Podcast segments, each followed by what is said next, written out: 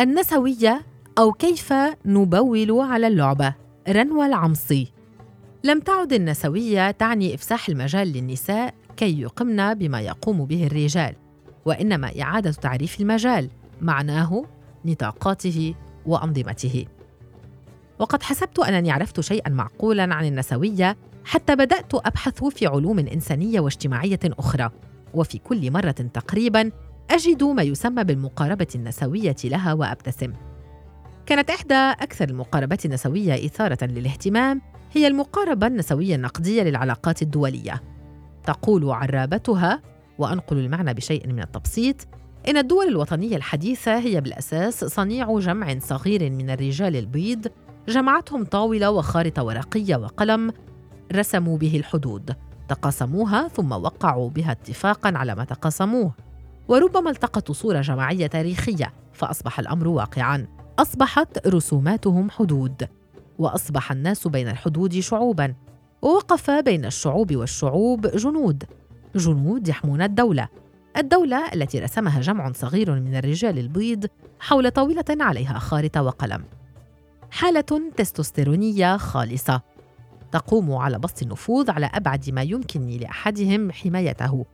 وبدلا من التبول على حدود تلك المساحة لتبقى الرائحة إشارة ملكية مرسلة للكائنات الأخرى فإن القلم والتوقيع ثم الصور التاريخية تقوم مقام اليورين بشكل حضاري لكنها في جوهرها محاكاة للغريزة نفسها وتجليات هذه الغريزة في البنية السياسية والاقتصادية المعاصرة أصبحت تتجاوز الدولة إلى ما هو أبعد كهوس تمدد الشركات العابرة للحدود والاحتكار ثم هوس التسليح وسباق أكبر صاروخ وأطول برج وهكذا.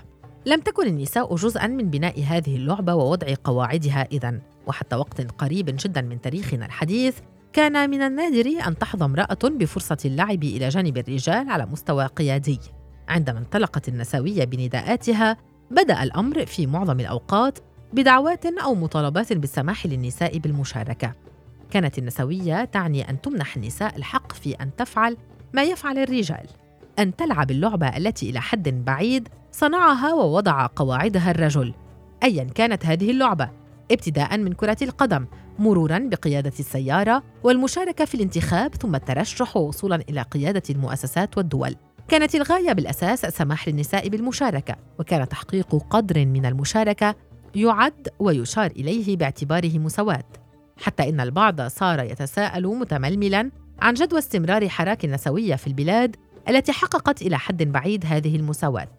وليس بمفاجئ ما انتهت إليه لعبة المساواة هذه من نتائج لطالما تم الالتفاف على تفسيرها أو ربما إحالتها إلى حداثة عهد المرأة بالمشاركة. انتهت إلى ما يشبه المسكوت عنه تفوق الرجل. وكلا ليس الأمر حداثة عهد وتجربة وإنما قواعد اللعبة من أساسها. إن قواعد اللعبة موضوعة من قبل نوع واحد والتفوق معرف بناء على معيار واحد والمعيار مبني على قدرات وتطلعات نوع واحد لذلك فمشاركة المرأة وإن تحت شعار المساواة لا تعني أبدا تحقيق العدالة إن لم تتم بالأساس مراجعة الهيكل البنائي للمنظومة كلها المنظومة هذه تشمل الاقتصادي، السياسي، الاجتماعي والديني أيضا. أعرف أن أحدهم يقرأ ويبتسم ثم ينعتني بالحالمة. نعم، ولا بأس. وحتى أجعل حديثي من دم ولحم، أعود إلى حيث بدأت. العلاقات الدولية والمقاربة النسوية للعلاقات الدولية. باعتبار الأولى العلم وهو الذي في غالب الأمر وضع من قبل منظومة تقليدية ذكورية والمقاربة النسوية له باعتبارها مقاربة إضافية للأصل للعلم إضافة أو رفاهية أو أنظر معكم إلى الأدب الذي صار يجيء متبوعا أو ملحقا بتصنيف تزييني اسمه الأدب النسوي. هذه التقسيمات لم تأتي مصادفة ولكنها نتاج تراكم منح شرعية مطلقة لأدب ما وسمح لأدب من نوع آخر بالوجود في حدود معينة وتحت مسميات أميل لاعتبارها لئيمة. وهكذا مثلا كانت المنظومة الأدبية تنحاز لمعايير نقدية ذكورية فتنحاز للنص الفحل في أسلوبه وموضوعاته وبنائه ولغته. وترى في الأدب النسائي شيئا لطيفا يحدث إلى جوار ما هو أدب بالفعل. شيء ما تقوم به المرأة لكن الشيء هو ما قام به ووضع أساسه في غالب الأمر الرجل.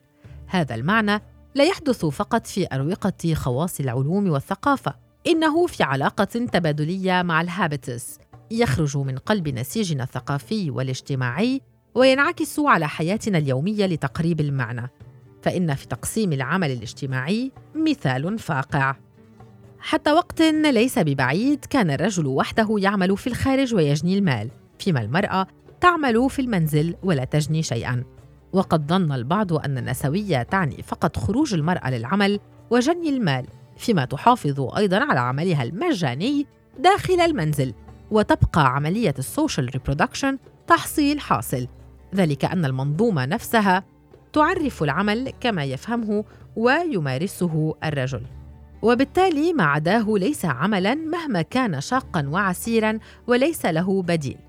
وهنا تأتي أهمية إعادة تعريف المفاهيم وترتيب أوراق المنظومة بما ينصف الجميع.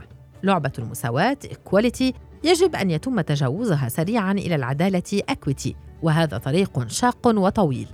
أعرف أن أحدهم أيضا يقرأ ويبتسم ثم ينعتني بالحالمة. نعم ولا بأس. تفصيلة هامشية. إن هذا المقال إذ يشتبك مع ما تعنيه النسوية وما يفترض أن تعنيه فهما وممارسة فإنه يحترم أيضا الأفكار التي تراجع التعريف الجندري للأدوار الاجتماعية بما يسمح بتوسيع فهمنا لها وليس بالضرورة القفز فوقها كليا. ويقر أيضا بحق غير النون باينري ليس فقط بالوجود والاحترام وإنما في المساهمة في توسيع فهمنا للاحتمالات والإمكانات المتنوعة التي يقدمها تمايز النسيج البشري الإنساني بتنويعاته وتعقيداته.